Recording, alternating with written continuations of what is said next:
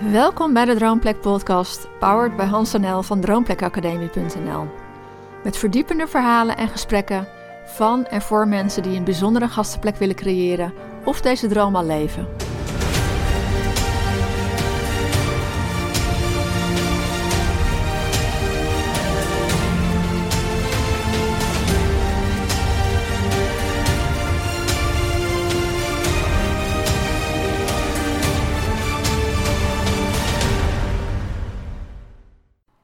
2012 schrijven we ons boek Het geheim van de berghut over de eerste jaren van ons vertrekavontuur. Dit boek hebben we in delen voor je ingesproken, zodat je er overal naar kunt luisteren.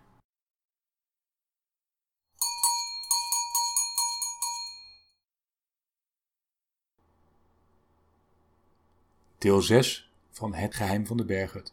Balanceren. Achter de schermen.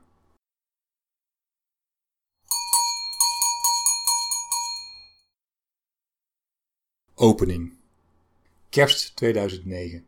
We zijn open. De dame die de kinderopvang in het winterseizoen op zich zou nemen, vertrekt twee dagen voordat de eerste gasten komen. Na haar griep en de verbroken relatie met haar partner, die ook in de berghut werkt, kan ze de energie niet meer opbrengen om bij ons te blijven werken.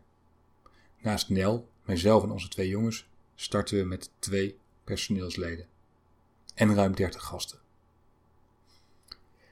Ik merk dat ik moeite heb met het avondritme. Van jongs af aan ben ik gewend in een dagritme te leven. Ochtends en smiddags actief, s'avonds stil op de bank en lekker op tijd naar bed. Het horecaritme valt me zwaar. Ik kan s'avonds niet lekker loskomen van gedane arbeid en maak daardoor elke keer te korte nachten. De jongens slapen ook slecht en veel dagen beginnen in deze periode tussen 5 en 6 uur ochtends.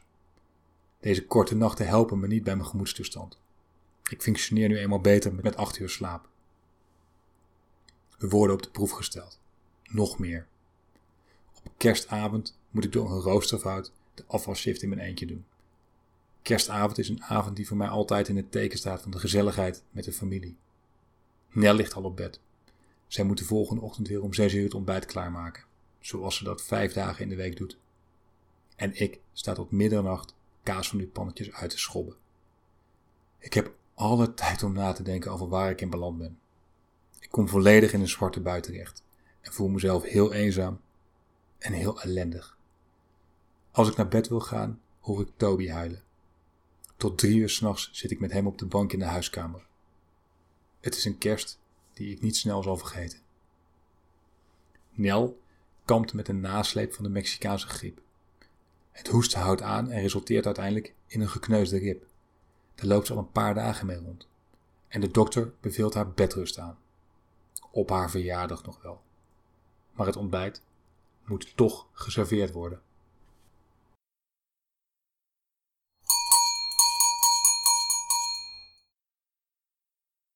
Neerwaartse spiraal. Ik ontwikkel een aversie tegen repeterende, uitvoerende werkzaamheden en ik heb angst om dit werk te moeten doen. Angst voor verveling en vervreemding. Ik wist vooraf dat we de eerste twee jaar met beide voeten in de modder zouden moeten staan. Maar weten en doen zijn twee verschillende dingen. Als je iets moet doen wat je niet leuk vindt, dan is één dag al lang. En de herhaling geeft me de tijd om na te denken.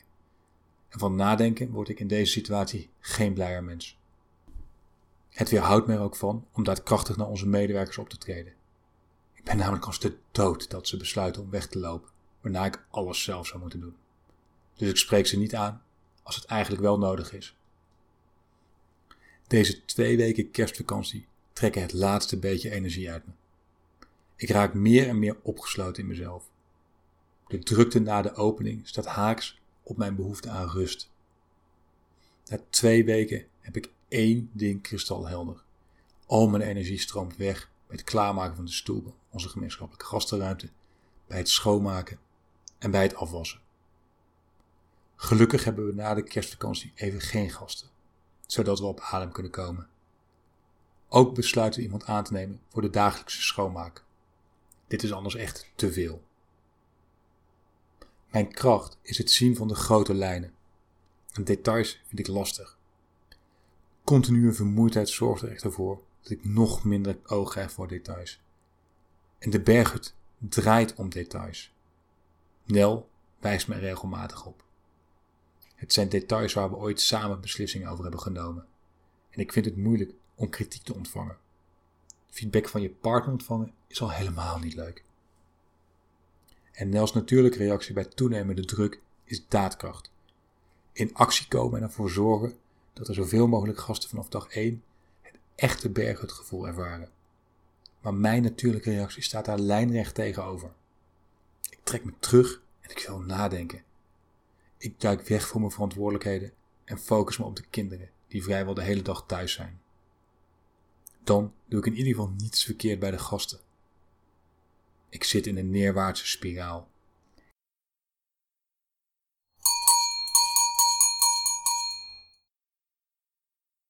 Mijn dubbel leven. Samen in de bergen wonen. Nieuwe ideeën uitwerken. Genieten van de natuur. Skiën met ons gezinnetje. En veel mensen blij maken die in de bergen komen. Dat is een beetje het idee van mijn droom in de bergen. Ik had nooit gedacht dat ik hier een dubbel leven zou gaan leiden. Dat leven van voor en achter de schermen. Een leven vol tegenstrijdigheden. Samen onze droom verwezenlijken versus me ontzettend eenzaam voelen. De vrouw van passie zijn versus geen passie meer kunnen voelen. Er 100% willen zijn voor de gast versus extreem vermoeid zijn. Vol energie zitten versus leeggezogen worden. Volledig geland zijn op onze woonplek versus me nog steeds een vreemde voelen in het dorp. Van nature een helper zijn versus weten dat ik in sommige situaties meer help als ik juist niet help. Doorgaan in de flow versus weten dat je soms beter even kan stilstaan en dingen onder ogen kunt zien. En leven in je droom versus wakker worden in een nachtmerrie.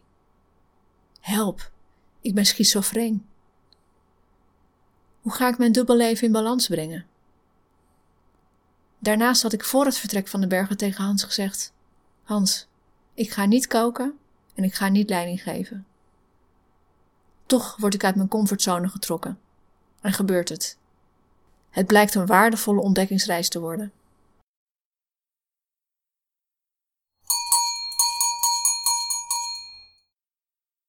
Uit mijn comfortzone. Met mijn levensmotto: doe de dingen waar je hart van gaat zingen, wil ik niet zeggen dat alles alleen maar leuk moet zijn, maar dat ik mijn energiegevers leidend wil laten zijn in wat ik doe. Vanuit die basis wil ik best uit mijn comfortzone treden. Gek genoeg voel ik me nog steeds in mijn comfortzone. Terwijl ik in een jaar tijd toch bevallen ben, een jong gezin met twee kinderen run, samen met Hans een bedrijf opzet, een huis koop en twee verkoop en verhuis naar een ander land. Met een goede planning, focus op ons doel en doen, kan dat best. En dat geldt ook voor de berghutverbouwing. Met een goede planning, een flexibele instelling, stevige schouders en een duidelijk doel gaat het allemaal goed komen. Met mij gaat het fout als anderen hun kont tegen de krip gooien en in onmogelijkheden gaan denken. Ik kan daar niet zo tactisch mee omgaan. Maar gelukkig hebben we afgesproken dat ik geen leiding ga geven. Dat gaat Hans doen, met zijn jarenlange ervaring en zijn enorme naam en faam als leidinggevende. Hij doet het ook heel knap. Ieder zijn talent. We hebben gesproken over het belang van sfeer in de berghut voor een optimale beleving van de gasten. Maar ik voel weerstand bij Hans als het gaat om operationele details. Ik voel waar de angel zit, maar ik kom niet in contact met Hans. Voor het oplossen van mankementen op de kamers moet Hans ook van heel ver komen. Ik sta stijf van de boosheid en frustratie. Het is voor de gasten, het is niet eens voor mij. Leiding geven in een horecabedrijf blijkt een andere tak van sport te zijn dan het aansturen van hoger opgeleide managers. Sturen op Resultaatverantwoordelijkheden is mooi, maar binnen het horecaconcept De Berghut, waar we elk seizoen met ander personeel werken, werkt dat toch wat anders. En bij veel taken is aandacht het sleutelwoord. Hans zit met zijn aandacht heel ergens anders. In frustratie, in ontkenning. Hij is zichzelf kwijt, blijkt later.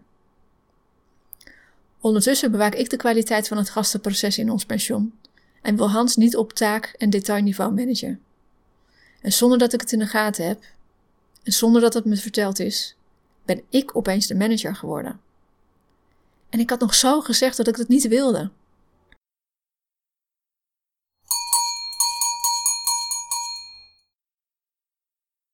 Downs en ups. Onze twee personeelsleden gaan twee weken voor het einde van het eerste winterseizoen weg. We gaan de laatste twee weken samen draaien, Nel en ik. Hoewel er weinig gasten zijn, ervaar ik hoe slecht ik in mijn energie en mijn zelfvertrouwen zit. Ik vind het doodeng om een gastenmaaltijd te bereiden. En deze angst kost me heel veel energie. Nel gaat koken. Het einde van het seizoen is daar, evenals het einde van mijn energie. In de meivakantie, drie weken na onze wintersluiting, zijn we weer twee weken open. Dat blijkt iets te snel na het winterseizoen. We zijn nog niet voldoende bijgetankt. In de meivakantie, drie weken na onze wintersluiting, zijn we weer twee weken open. Dat blijkt iets te snel na het winterseizoen. We zijn nog niet voldoende bijgetankt. In de meivakantie draaien we de bergen ook samen. Mijn familie is op bezoek en ik zit continu in een spagaat. Ik ben gastheer, afwasser, echtgenoot, vader, zoon en broer. Ik kom volledig met mezelf in de knoop. En ik verlang naar mijn oude ik, die lekker relaxed een biertje dronk, wat babbelde en zich graag liet verzorgen. En ik verzand in een klaagmodus. Ik zet mezelf als slachtoffer neer en besef al deze periode voor het eerst. Maar ik doe er niets aan. Er is daarna ook van alles te doen. Terrasmeubels maken, mensen enthousiast maken voor de berghut en zomer- en winterboekingen verwerken, nieuwe medewerkers werven. En ik kom voor mijn gevoel niet echt aan mijn rust toe. Ik merk wel dat ik het heel leuk vind om terrasmeubels te maken.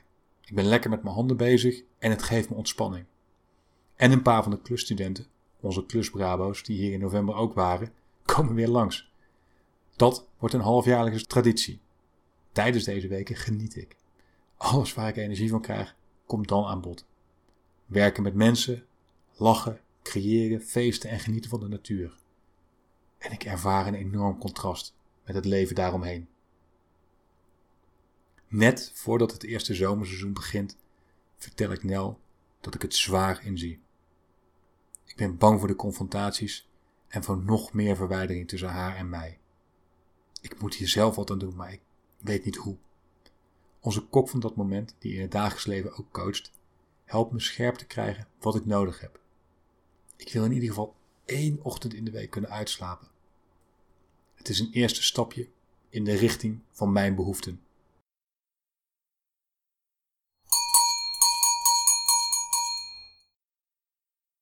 Samen op een bankje. De eerste winter zijn we doorgekomen. Weliswaar met flinke wallen onder onze ogen, en we hebben veel moeten leren, maar de bergen draait. En dan komt het eerste zomerseizoen. Nog voordat de eerste zomergasten komen, spreekt Hans uit dat hij de zomer niet ziet zitten. hoe gaan we dat tot een goed einde brengen? Ik vind het zwaar. En ik voel me er alleen voor staan. Hans lijkt niet thuis, want hij is niet echt aanspreekbaar. We moeten nodig praten, lang en diepgaand. Maar wanneer? We hebben op dat moment twee hele jonge kinderen en geen opvang. Ondanks de twijfels van Hans ga ik vol goede moed het eerste zomerseizoen met gasten in. We hebben het deze zomer alleen niet handig aangepakt met personeel. We hebben namelijk te veel mensen voor een korte tijd aangenomen. Drie verschillende koks die ieder een aantal weken komen. Zo in het begin van ons avontuur is het toch een beetje pakken wat we pakken kunnen om te voorkomen dat we zonder personeel komen te zitten. Het inwerken kost door de vele wisselingen heel veel tijd en energie. En als klap op de vuurpijl vertrekt onze derde kok begin augustus hals over kop door familieomstandigheden naar Nederland. Ik neem het koken over. Ik werk een paar dagen non-stop van 6 uur s morgens tot 11 uur s avonds, inclusief de verzorging van het ontbijt, de ochtendafwas, de afwas, inkopen en koken. Voor een maaltijd koken voor 30 mensen draai ik sinds die tijd man niet meer om. Ik vind het zwaar om er in deze omstandigheden 100% voor de gasten te zijn. Ik sta in de bloei van mijn dubbelleven. Ik werk me een slag in de ronde met volle inzet en overtuiging om de gasten een topvakantie te bezorgen. En achter de schermen weet ik geen raad met Hans. Ik bel die paar keer een zomer met een oud gast van de winter, die coach is. Ik spreek dingen uit die ik doodeng vind. En ze verzekert me dat ik moet vertrouwen op mijn interne raadgever. Twee keer die zomer krijgen we anderhalf uur de gelegenheid om er samen even op uit te gaan. We gaan zogenaamd even gezellig wandelen. In werkelijkheid lopen we naar een bankje op 10 minuten loopafstand. We praten. Ik schreeuw en huil. Ik voel wanhoop. Ik weet het niet meer. Ga alsjeblieft hulp zoeken, zeg ik tegen Hans. Hans is bang om de confrontatie met zichzelf aan te gaan en is bang om mij en de kinderen te verliezen. Ja, als hij zo doorgaat, zou die angst nog wel eens waarheid kunnen worden.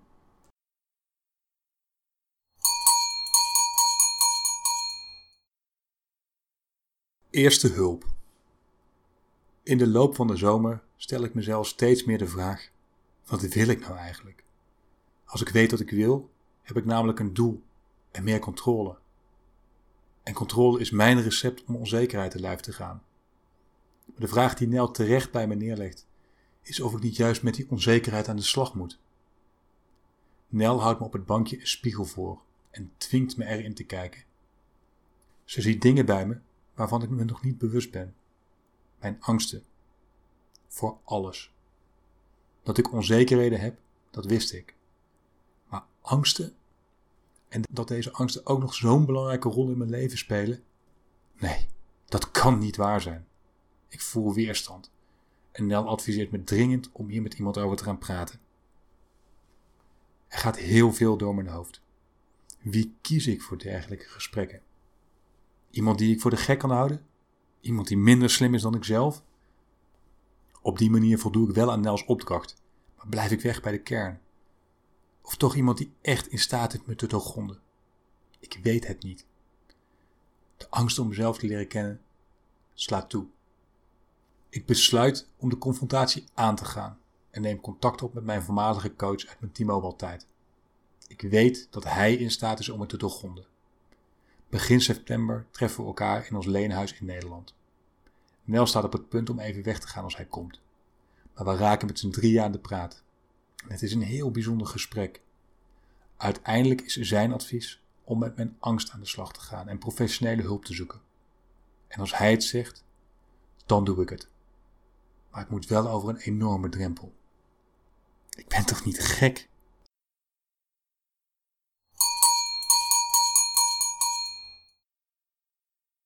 Ik ben er. Nog niet. Begin oktober 2010. Ik ga een paar dagen wild kamperen in de bergen. Alleen. Een half jaar daarvoor adviseert iemand me in een goed gesprek om een paar dagen alleen de bergen in te gaan.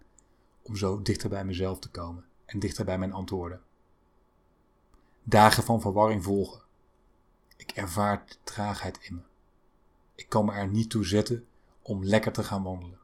En ik zak weg in donkere, zware gedachten. Zo erg dat ik de tweede dag een paniekaanval krijg. De directe aanleiding daarvoor zijn mijn repeterende gedachten over een leven zonder Nel en zonder de kinderen. Op de derde dag maak ik een beklimming. En uiteindelijk loop ik vast bij een bepaalde passage en ik besluit om te keren. Hoogtevrees. Maar na een paar honderd meter heroverweeg ik dit besluit. Zal ik het nog één keer proberen? Ik doe het en ik overwin mijn angst voor de hoogte op dat punt. Op de terugweg kom ik fluitend langs ditzelfde punt en vraag me af waarom ik hier zo bang ben geweest. Pats. Ik grijp mijn inzicht vast. En terwijl ik verder naar beneden loop, realiseer ik me dat de gebeurtenis een mooie metafoor is voor mijn huidige gevoel in de berghut. Misschien ben ik met het berghutavontuur wel een van de mooiste wandelingen uit mijn leven aan het maken. Maar doordat ik zo onzeker ben of ik wel het goed aan het doen ben, kan ik er niet van genieten. En ik voel me verlicht. Ik denk dat ik er doorheen aan het komen ben. Dat ik uit mijn dal aan het klimmen ben. Want dat is wat ik het diepst in mijn hart wil. Ik wil niet meer leven in de onzekerheid, niet meer leven in de onmacht. Maar het is slechts een kleine beweging uit het dal. Zo blijkt later.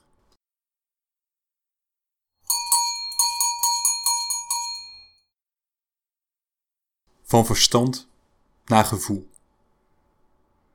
In de periode daarna ga ik aan de slag met mijn angst. Ik word daarbij geholpen door een Skype-psycholoog en ik volg een cognitieve therapie. Wat wil zeggen dat ik het probleem aanpak via de ratio, het verstand. Een methode die me aanspreekt, want denken doe ik graag. Ik krijg veel oefeningen en inzichten en ik lijk op het vlak van angsten daadwerkelijk verder te komen. Maar er gebeurt ook iets anders. Sinds de therapiesessies werk ik in de berghut, naar de gasten en het personeel, minder op gevoel. Mijn verstand voert de boventoon. Ik vul de rol in zoals ik denk dat deze moet zijn en, niet onbelangrijk, zoals ik denk dat Nel hem wil zien. Ik besteed veel aandacht aan de operationele details voor het directe welzijn van de gast, zoals het aansteken van de kaarsjes en zorgen dat er genoeg hout is voor de kachel. Maar ik verlies mezelf.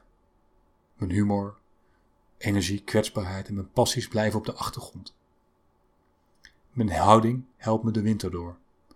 Nel en ik hebben minder confrontaties, maar ik word daar niet gelukkiger van.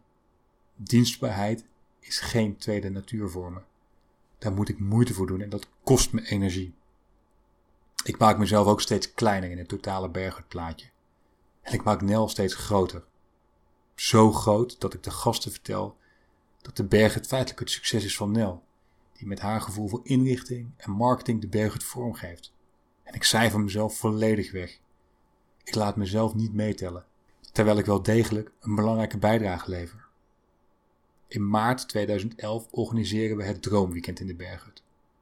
Wat is je droom en hoe kun je die realiseren? Het onderdeel belemmeringen overwinnen neem ik voor mijn rekening, gestimuleerd door Nel. Ik geef een mooie presentatie over mijn angsten en mijn leerpunten. En het is de eerste keer dat ik er openlijk over praat. Ik krijg veel waardering van de gasten voor mijn openheid en ervaar wat deze kwetsbaarheid me oplevert. Ik voel me vrijer.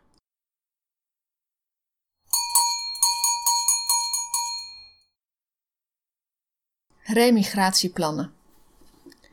Na twee seizoenen met gasten is het mij helemaal duidelijk. Hans wordt doodongelukkig van dit werk.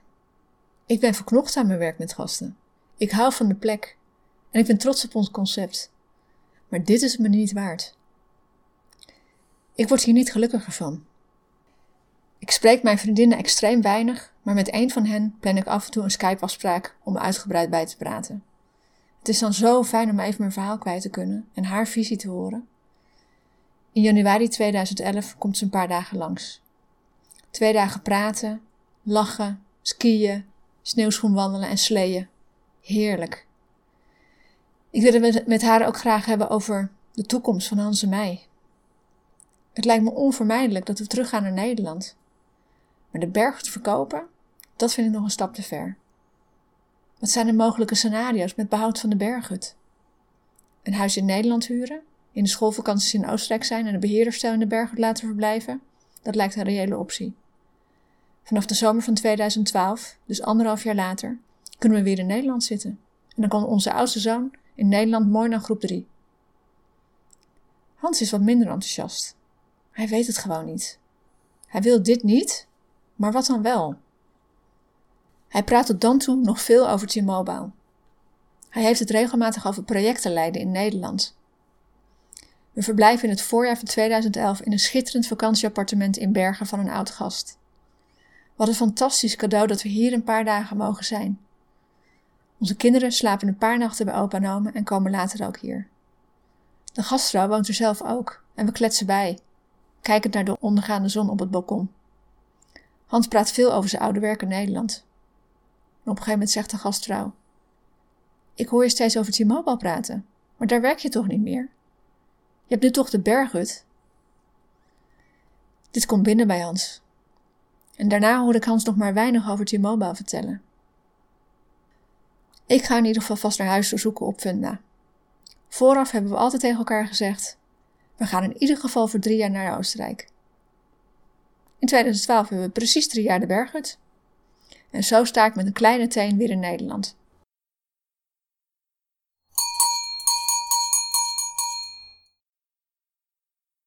Masker. Het is eind mei 2011 en we hebben onze eerste inspiratieweek in de Berghut.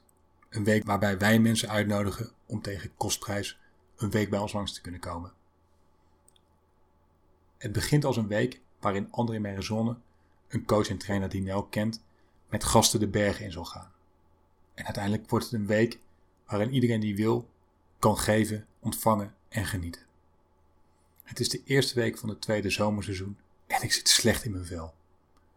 De overgang van een huis zonder gasten naar een huis vol gasten is altijd even wennen voor me. En de volledige vrijheid die de groep ervaart, staat haaks op het keurslijf waarin ik zit. Tijdens een coachingsgesprek met anderen in de bergen word ik volledig door elkaar geschud. Hij stelt vragen over mijn jeugd, over mijn kinderachtige gedrag en over het ontlopen van mijn verantwoordelijkheid. Een aantal essentiële zaken passeert de revue. En zijn advies is duidelijk. Hans, zet dat masker af. Laat jezelf zien. De kern van wat er de maanden daarvoor met me is gebeurd, wordt hiermee blootgelegd. Ik drijf ver af van wie ik in werkelijkheid ben. Maar wie ben ik dan?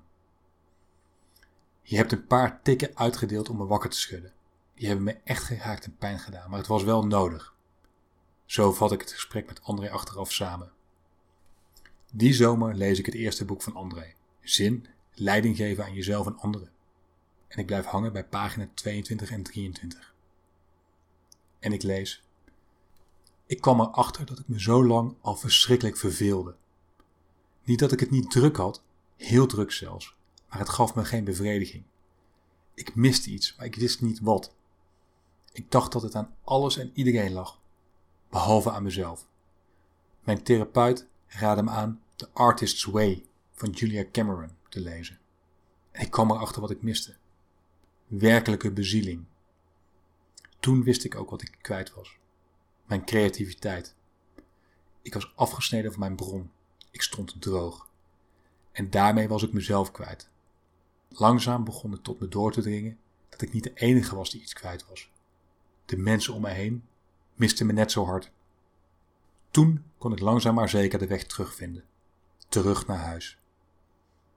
Ik voelde herkenning, erkenning en bewustwording. Wat fijn. Ik ben niet de enige.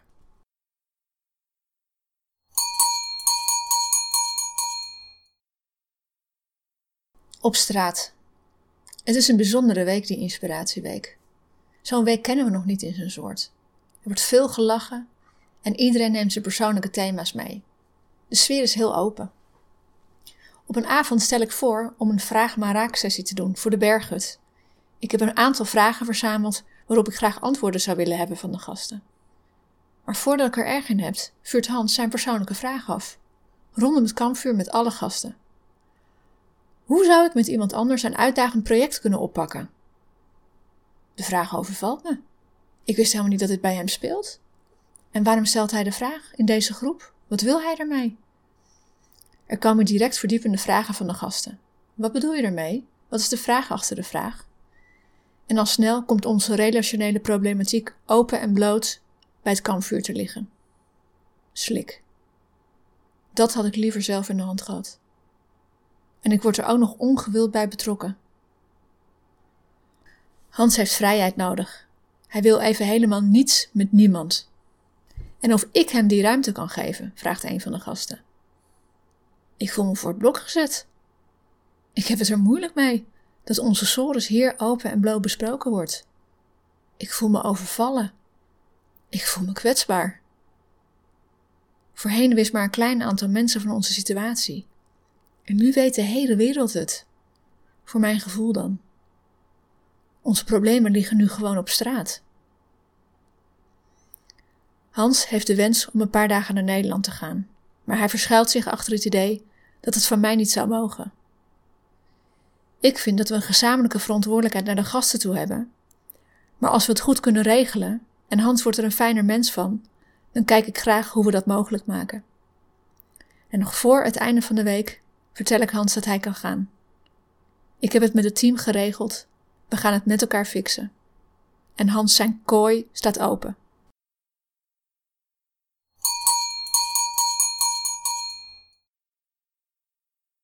Woedend. kan een paar dagen later al met een gast meerijden, maar dat is me te snel. Ik boek na de inspiratieweek een vliegticket. Een dag voordat ik wegga, check ik mijn ticket. En ik lees heenreis Amsterdam naar Innsbruck. Wat een blunder. Ik ben er niet bij met mijn hoofd. Het moest nog niet zo zijn. Achteraf voelt het voor mij ook beter om wat later te gaan. En later die maand ga ik alsnog voor een bruiloft naar Nederland. Ik neem de jongens mee en zij gaan een paar dagen logeren bij opa en oma, zodat Nel haar handen vrij heeft voor de gasten. Na de bruiloft verblijf ik een aantal dagen bij een vriend van me in Utrecht. Dan komt er een mail van Nel binnen, met vijf pagina's bijlagen. In de lange brief wordt me duidelijk dat Nel klaar is met mij en mijn gedrag. En ze legt me het volgende voor. Je gaat na het seizoen maar even een tijdje de bergen uit om de confrontatie met jezelf aan te gaan. Of ik ga mijn vertrek voorbereiden. De dagen daarna heb ik tijd voor reflectie. Wat bedoelt ze? Ligt het allemaal aan mij? Ik weet het niet meer. Ik ben woedend. En wat ik wel weet, is dat het op deze manier van mij ook allemaal niet meer hoeft. De vraag of ik nog voor mijn relatie wil vechten, houdt me ontzettend bezig. En het hoogseizoen in de berghut moet nog beginnen.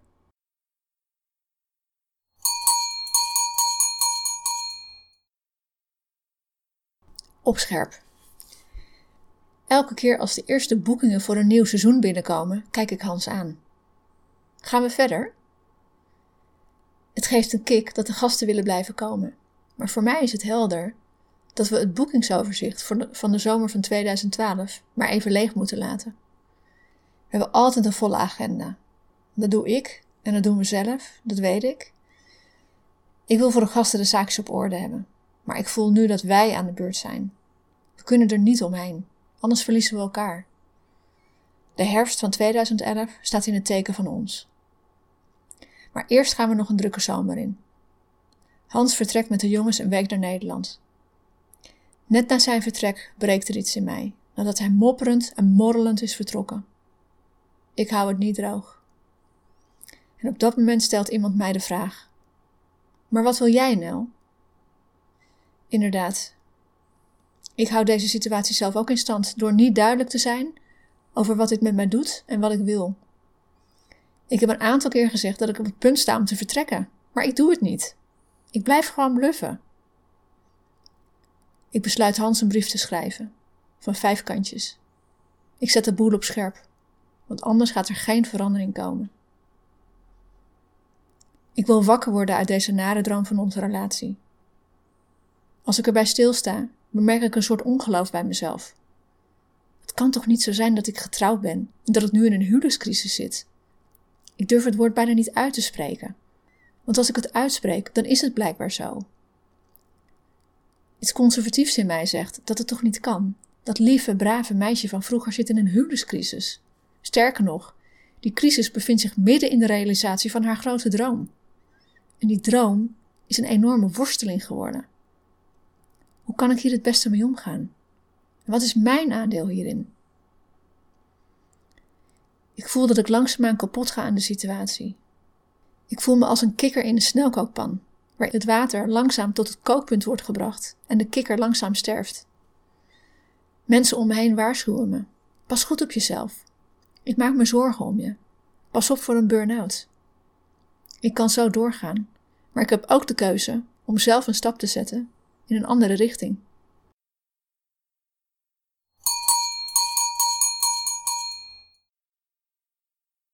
De zomer van 2011.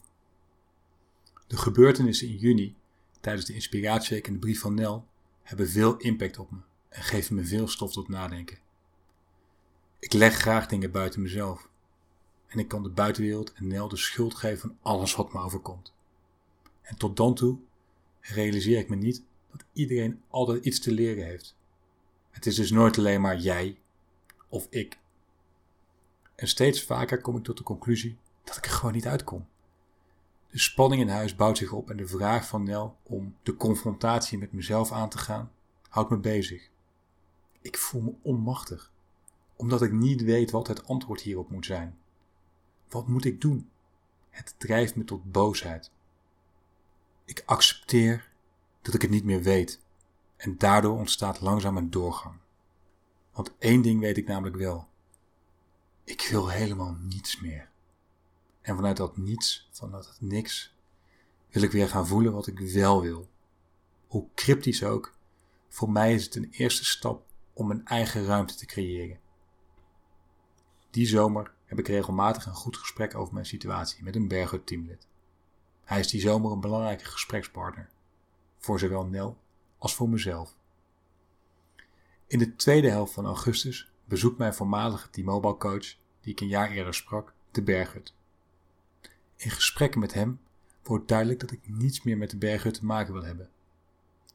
Weg bij mijn energievreters en onder het juk van Nel uit. En al snel volgt een tweede antwoord.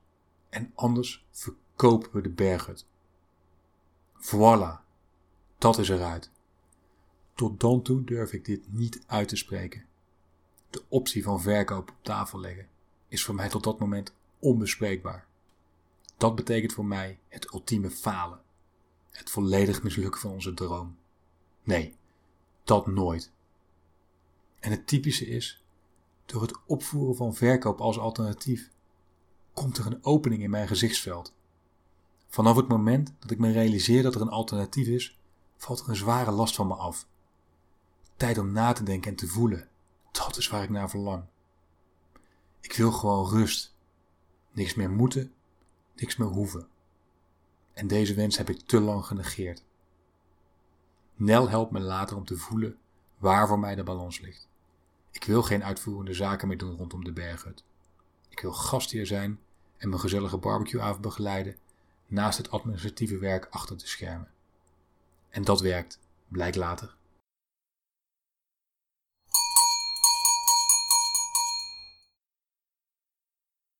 Doorbraak. Eind september 2011. Ik vertrek voor mijn gedwongen reflectieperiode, waar Nel het in haar brief over had. Ik ervaar het op dat moment al veel minder als gedwongen en zie het als een goede kans om rust te nemen. In eerste instantie ben ik van plan om een tour door het Grooskloknermassief te maken, maar op de dag van mijn geplande vertrek valt er 70 centimeter sneeuw in de bergen. Ik vertrek daarom twee dagen later en ik kies ervoor om maar naar één hut te gaan in plaats van een tocht te maken. Deze keuze pakt goed uit. Doordat ik een vaste standplaats heb, hoef ik niet bezig te zijn met het voorbereiden van volgende etappes. Sterker nog, ik vind mijn plek. De hut heeft een heerlijk terras met een fantastisch uitzicht en de serene rust biedt alles om te kunnen denken, te schrijven en te genieten. Er zijn vrijwel geen andere gasten en het eten wordt voor me verzorgd. Ik heb vijf dagen de tijd om na te denken, zonder afleiding, zonder moeten. Ik dwing mezelf een aantal vragen te formuleren en de antwoorden te onderzoeken. Vragen die voor mij op dit moment essentieel zijn. Vragen die roepen om diepe reflectie, zodat ik tot eerlijke, waardevolle antwoorden kan komen. En na twee dagen voel ik me al zo heerlijk. Ik schrijf, ik lees, ik denk na en ik kom dichter bij mezelf. Ik geniet en ik lijk de doorgang gevonden te hebben. En mijn belangrijkste inzichten zijn glashelder. Ken jezelf, luister naar jezelf en zorg dat je jezelf niet verliest. Durf te kiezen, hoe moeilijk ook. En de keuze is uiteindelijk aan jou, hoe moeilijk het ook lijkt. Hoezeer het ook lijkt dat je mensen hiermee voor het hoofd stoot. Het is uiteindelijk belangrijk dat je bij jezelf blijft, ook voor de ander. En durf hierin verantwoordelijkheid te nemen. Na vijf dagen keer ik terug naar de bewoonde wereld. Met antwoorden en met innerlijke rust. En voor het eerst sinds jaren heb ik meer tijd gehad om na te denken dan dat ik nodig had.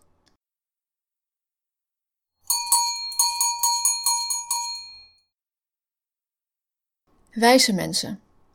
Eind september 2011, aansluitend op Hans zijn bergtocht, bezoeken André en Leonne Merezon ons. André vertelt ons tijdens de Inspiratieweek in mei dat hij ons graag zou willen helpen, samen met zijn vrouw Leonne. Het zijn twee mensen die de gave hebben om veel te zien en die samen ook een hele weg hebben afgelegd. Hij herkent veel in onze situatie en die ervaring zou van ons van waarde kunnen zijn.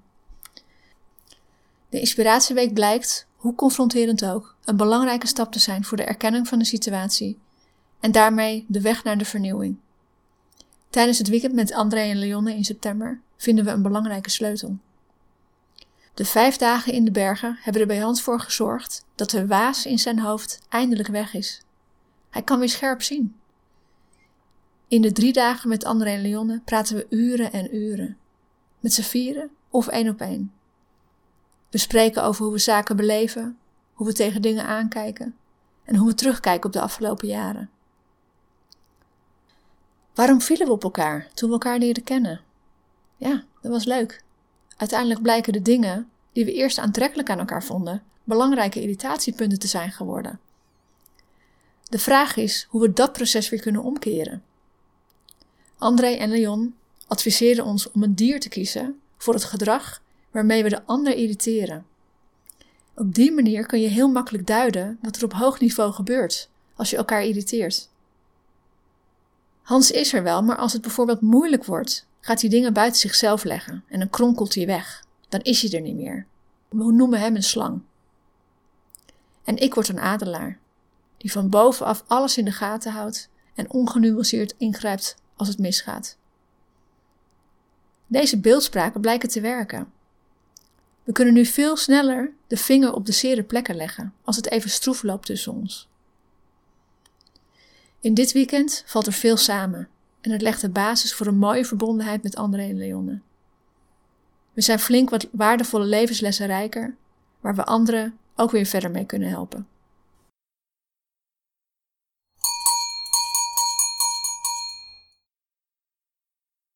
Inzichten. De drie dagen met André en Leonne leveren mij twee belangrijke inzichten op. Nel en ik hebben met elkaar te dealen. We zijn bedoeld voor elkaar. We hebben elkaar uitgezocht om onszelf te ontwikkelen. En die wetenschap heeft me veel rust gegeven. Onze persoonlijke uitdagingen worden op de proef gesteld door de eigenschappen van de ander. En mijn persoonlijke uitdaging is het nemen van ruimte en het uitspreken van mijn behoeften. Ik moet stoppen met anderen de schuld te geven van mijn eigen ongenoegen. Het is mijn eigen verantwoordelijkheid. Ik ben zelf verantwoordelijk voor mijn leven. Dat heb ik nooit echt geleerd. Dus dat moet ik nu gaan leren. Ik raak vaak geïrriteerd als Hans niet in beweging komt of als hij mij de schuld geeft van dingen. Vervolgens gaat het gesprek niet meer over de inhoud, maar over mijn irritatie. En dat leidt af van de inhoud, waardoor ik niet kom waar ik wil zijn. Mijn grootste inzicht is dat ik, voordat ik op een ander reageer, beter mijn vooroordelen en irritaties los kan laten in mijn reactie. Hierdoor kan ik onbevooroordeeld en vanuit mijn eigen gevoel een ander effect teweeg brengen. En hiervoor heb ik meer rust nodig. Ik wil in rust bedenken wat een situatie met me doet, wat het voor mij betekent en het dan kunnen uitspreken. Ook wordt me duidelijk dat ik nog meer naar mijn gevoel mag luisteren en daarop mag vertrouwen. Maar wanneer weet ik of iets angst is waar ik doorheen moet, of dat iets een gevoel is waarop ik mag vertrouwen? Leonne legt me uit dat je van angst verstijft en dat intuïtie jou een vreemd gevoel in je buik geeft. Ik weet nu dat iets wat niet goed voelt ook een angst kan zijn, waar ik doorheen moet om weer een stap dichter bij mezelf te kunnen komen. Zo voelde koken in de bergen in eerste instantie voor mij niet goed, omdat ik het niet kon. Nu heb ik het geleerd en heb ik er geen angst meer voor.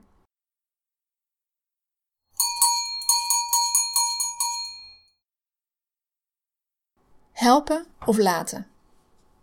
Ik ben André en Leonne zo dankbaar voor de inzichten die ze mij en ons hebben gegeven. Het is nog geen koek en ei tussen Hans en mij, maar het voelt echt als een doorbraak. De dagen na hun vertrek hebben we weer een paar lange gesprekken. Soms gaat het goed en soms gaat het erg moeizaam. Als ik het gevoel heb dat er iets tussen Hans en mij instaat, is dat vaak aanleiding voor een gesprek. Soms kan ik rustig, neutraal en zonder irritatie reageren. Ik stel vragen en geef mijn eigen behoefte aan. Ik vraag door, maar ik laat me niet verleiden om zijn aap op mijn schouder te nemen, boos te worden en vanuit frustratie weg te lopen. Ik merk dat een andere houding van mij echt bijdraagt aan een beter resultaat. Maar mijn geduld en innerlijke rust worden ook op de proef gesteld. Soms lijken Hans zijn opgedane inzicht als sneeuw voor de zon verdwenen en kost een gesprek met hem ontzettend veel energie. Hans zit met diep gewortelde frustraties. Ik wil hem inzichten geven, maar het is niet mijn verantwoordelijkheid om hem te helpen. Dat kan ik helemaal niet. Maar ik heb wel last van zijn gedrag. Ik heb steeds het gevoel dat hij met zijn vinger mijn kant op wijst, terwijl die vinger eigenlijk voor hemzelf bedoeld is. Ik voel me op afstand gesteund. André mailt me een aantal tips. Hij zegt: Ik kan maar één ding zeggen. Laat weten hoe je je voelt. Ga dus niet proberen te helpen, hem proberen te begrijpen, proberen begrepen te worden en proberen zijn problemen op te lossen. Kortom, wees niet elke keer met die ander bezig. Laat hem weten dat je aan je tak zit, dat jij het niet meer trekt, dat je er klaar mee bent en dat het op is voor jou. Want zolang een man de indruk heeft dat hij aandacht krijgt, doet hij niets. Het klinkt bot, maar het is in ieder geval mijn ervaring. Ik gun Hans dat hij helemaal op zichzelf teruggeworpen wordt en in die volstrekte eenzaamheid niemand heeft behalve zichzelf. En op die manier kan hij zichzelf ervaren en beleven. Een mooiere ontdekking kan hij niet doen. En jij hebt er nu een belangrijke sleutel voor in handen. Kun jij hem laten gaan en alle ongemakken daarvan voor lief nemen? Dat kost je energie en gedoe, maar weet dat het je nu meer kost en dat jouw energie niet vruchtbaar genoeg is. Zorg goed voor jezelf. Dat waren de woorden van André. Reken maar dat loslaten lastig voor me is, want ik ben een helper. Maar door mijn willen helpen bereik ik bij Hans juist het tegenovergestelde. Het is mijn les om alleen mensen te helpen als ze erom vragen.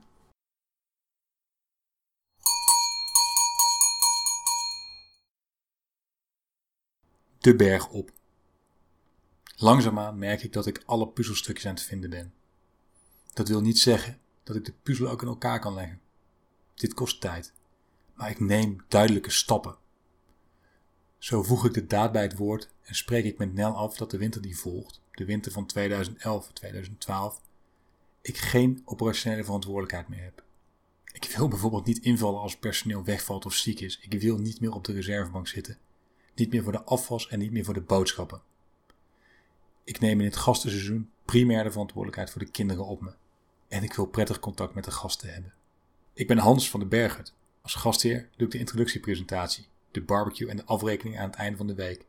Naast de boekhouding achter de schermen. En nu ik even niets operationeels doe, ervaar ik de Berghut anders. Vrijer.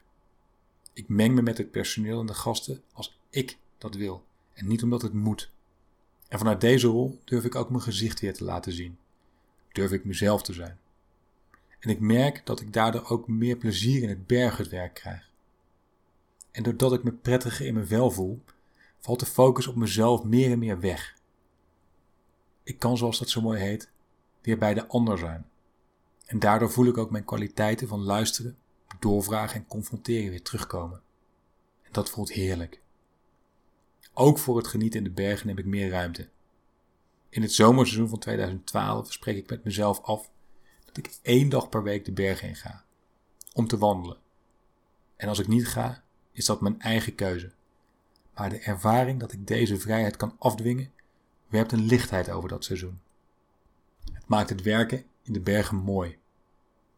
Het wegvallen van de spanning tussen Nel en mij geeft ook een hoop lucht. We besteden minder tijd aan vechten aan strijd. En deze tijd zetten we nu in voor zaken waar we allebei energie van krijgen. Energievretende activiteiten behoren langzaamaan tot het verleden.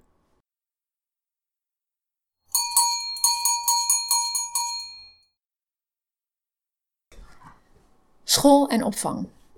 We hopen dat onze oudste na de zomer van 2009 al naar de kinderkarten kan. Maar er is toch geen plek. De eerder genoemde oppas biedt perspectief. Maar in de vijf maanden dat hij daar twee dagen per week is, wordt mijn gevoel niet beter. En opeens wordt mij duidelijk waarom. Hans brengt Iban altijd en ik haal hem op. En bij uitzondering breng ik hem een keer weg. Hij is verdrietig als hij aankomt, maar de oppas zegt op een nare toon dat hij niet mag huilen. Niet weinen! Ik schrik ervan. Voor mij wordt nu heel duidelijk wat er niet goed voor me voelt. Hij mag zichzelf niet zijn. We stoppen met de oppas. Dan maar minder werktijd. In diezelfde periode gaat hij eens per week twee uur naar de speelgroep. En na de zomer van 2010 kan hij naar de kindergarten. Dat blijkt geen gemakkelijke overgang. En ik schrijf er destijds een openhartig stuk over. Ik deel graag een paar zinnen daarvan. Ik wil niet naar de kindergarten. Onze oudste van bijna vier is opstandig en ontroostbaar. Bereiden hem voor. Hij heeft altijd al moeite met nieuwe situaties en met veel mensen en kinderen. De eerste dag gaat het best goed, maar dan de tweede schooldag. Wat? Nog een dag naar de kindergarten? Dat is niet echt helemaal zijn bedoeling. Ik voel al veel langer dat onze oudste erg gevoelig is. In de herfst van 2010 duik ik in de boeken. Ik wil hem geen stempel geven, maar het zou me zo helpen als ik weet hoe ik hem kan begrijpen en hoe ik het beste met hem kan omgaan. De omschrijvingen over hooggevoeligheid en hoogsensitiviteit zijn een feest van herkenning. Een greep uit de kenmerken die we zo herkennen. Moeite met grote veranderingen. Snel opschrikken. Last hebben van kleren die kriebelen. Meer leren van vriendelijke terechtwijzing dan van een strenge straf. Elk vreemd geurtje ruiken. Niet van verrassingen houden. Zeer intuïtief lijken. Zeer gevoelig zijn voor pijn. Slecht tegen een luidruchtige omgeving kunnen. Oog hebben voor detail. Soms omslaand in perfectionisme. Er vallen kwartjes. En meteen bekruipt me ook het gevoel: wat hebben we hem aangedaan door onze droom na te jagen? Wat heeft hij veel veranderingen moeten verwerken? Hij heeft hier enorm zijn draai moeten vinden. En nu snap ik waarom. Met de informatie die ik heb gevonden, zijn we wel een stapje verder. Ik begrijp hem beter. En in de Berghut volgen er dat seizoen veel mooie gesprekken met gasten over bijzondere kinderen.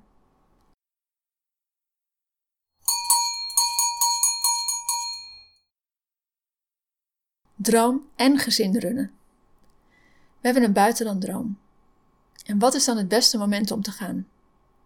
Met jonge kinderen emigreren lijkt handiger dan met oudere kinderen, omdat oudere kinderen al vriendjes en vriendinnetjes achterlaten. Maar alles heeft zijn voor- en nadelen.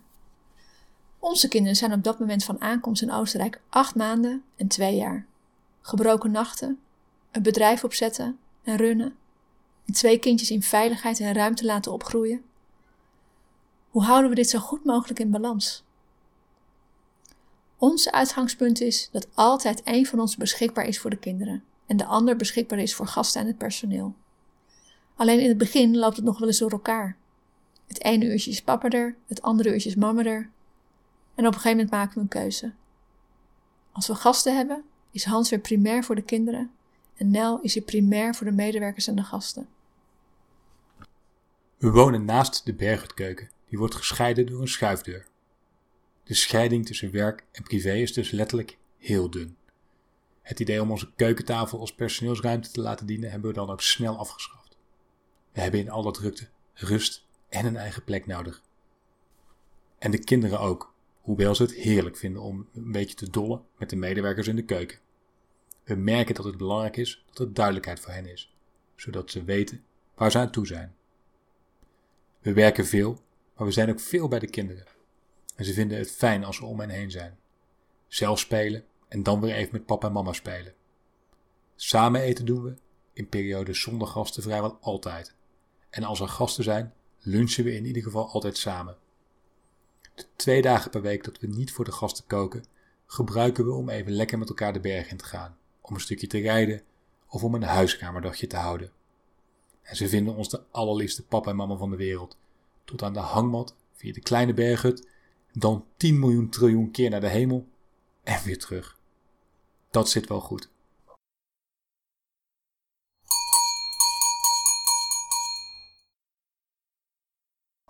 Eigen plek vinden. Sommige dingen hebben we vooraf nog niet bedacht. Hoe vinden onze kinderen bijvoorbeeld hun eigen plek in hun woonomgeving, als er heel vaak mensen in ons huis zijn? Het eerste gastenseizoen, na onze klusperiode, zouden we iemand voor de kinderopvang hebben.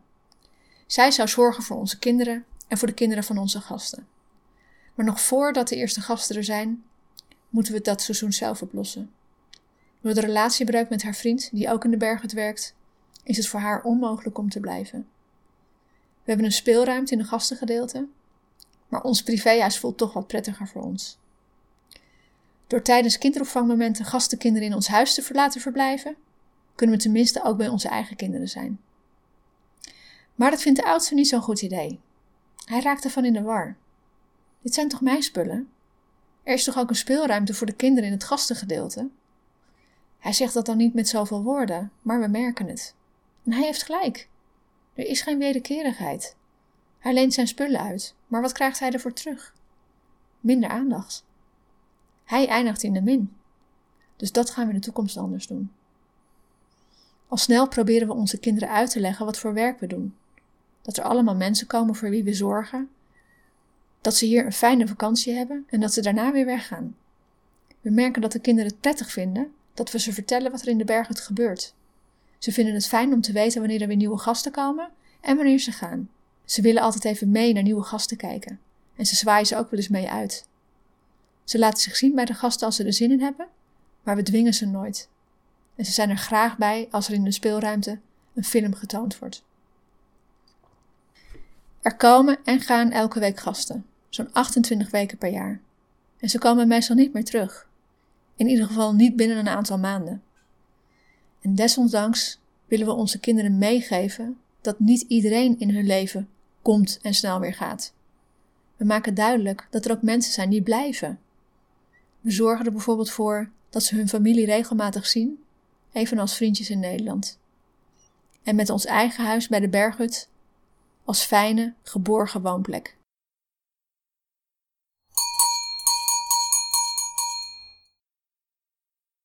Balanceren met medewerkers.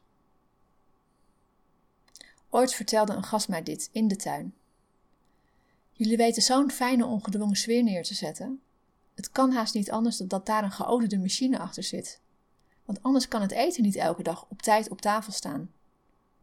En het was voor mij en ons een enorm compliment. Het is zo mooi samengevat. Zo is het en zo willen we het ook. En daarbij vinden we het belangrijk dat dingen met aandacht worden gedaan. Gasten waarderen het oog voor detail en dat is fijn om te horen. Het is niet altijd even gemakkelijk te begrijpen voor mensen die in de bergen komen werken dat de sfeer die we willen neerzetten focus en aandacht eist. Dat er gewerkt moet worden in een professionele omgeving met deadlines. We stimuleren medewerkers buiten het werk om te genieten van de natuur, maar ze komen hier niet primair om vakantie te vieren. Ze werken mee aan het neerzetten van een beleving en een onvergetelijke ervaring.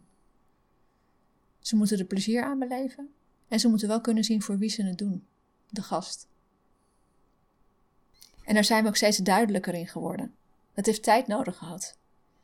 In het begin waren we geneigd om heel veel ruimte te geven aan mensen die hier werkten. En dan vroeg ik me op een gegeven moment af in wiens droom ik eigenlijk beland was. Want dan was het niet meer de mijne. Ik heb gemerkt dat ruimte geven wel belangrijk is, maar wel vanuit een duidelijk kader. We hebben ervoor gekozen om met Nederlands personeel te werken. Zo is een taalbarrière in ieder geval geen issue. Het is wel elk seizoen weer een uitdaging om geschikt personeel te werven, in te werken en zo snel mogelijk het gastenproces te laten stromen. We weten inmiddels steeds beter wie we zoeken en we leren er ontzettend veel van. Een team tot een topprestatie brengen is een van mijn grootste buiten mijn comfortzone projecten van onze emigratie. Ik groei er stap voor stap in. Het leert me om te gaan staan voor de dingen die ik en wij belangrijk vinden. En het leert me dat duidelijkheid geven belangrijk is, ondanks dat niet iedereen daar goed mee kan omgaan. Het is een zoektocht naar de juiste ingrediënten en verhoudingen om tot het beste recept te komen. En elk seizoen wordt deze personeelsmaaltijd beter. Dankjewel voor het luisteren naar de Droomplek podcast. En we hopen dat het je geïnspireerd heeft. En wil je nou nog meer inspiratie? Kijk dan op droomplekkenacademie.nl of like ons op Facebook.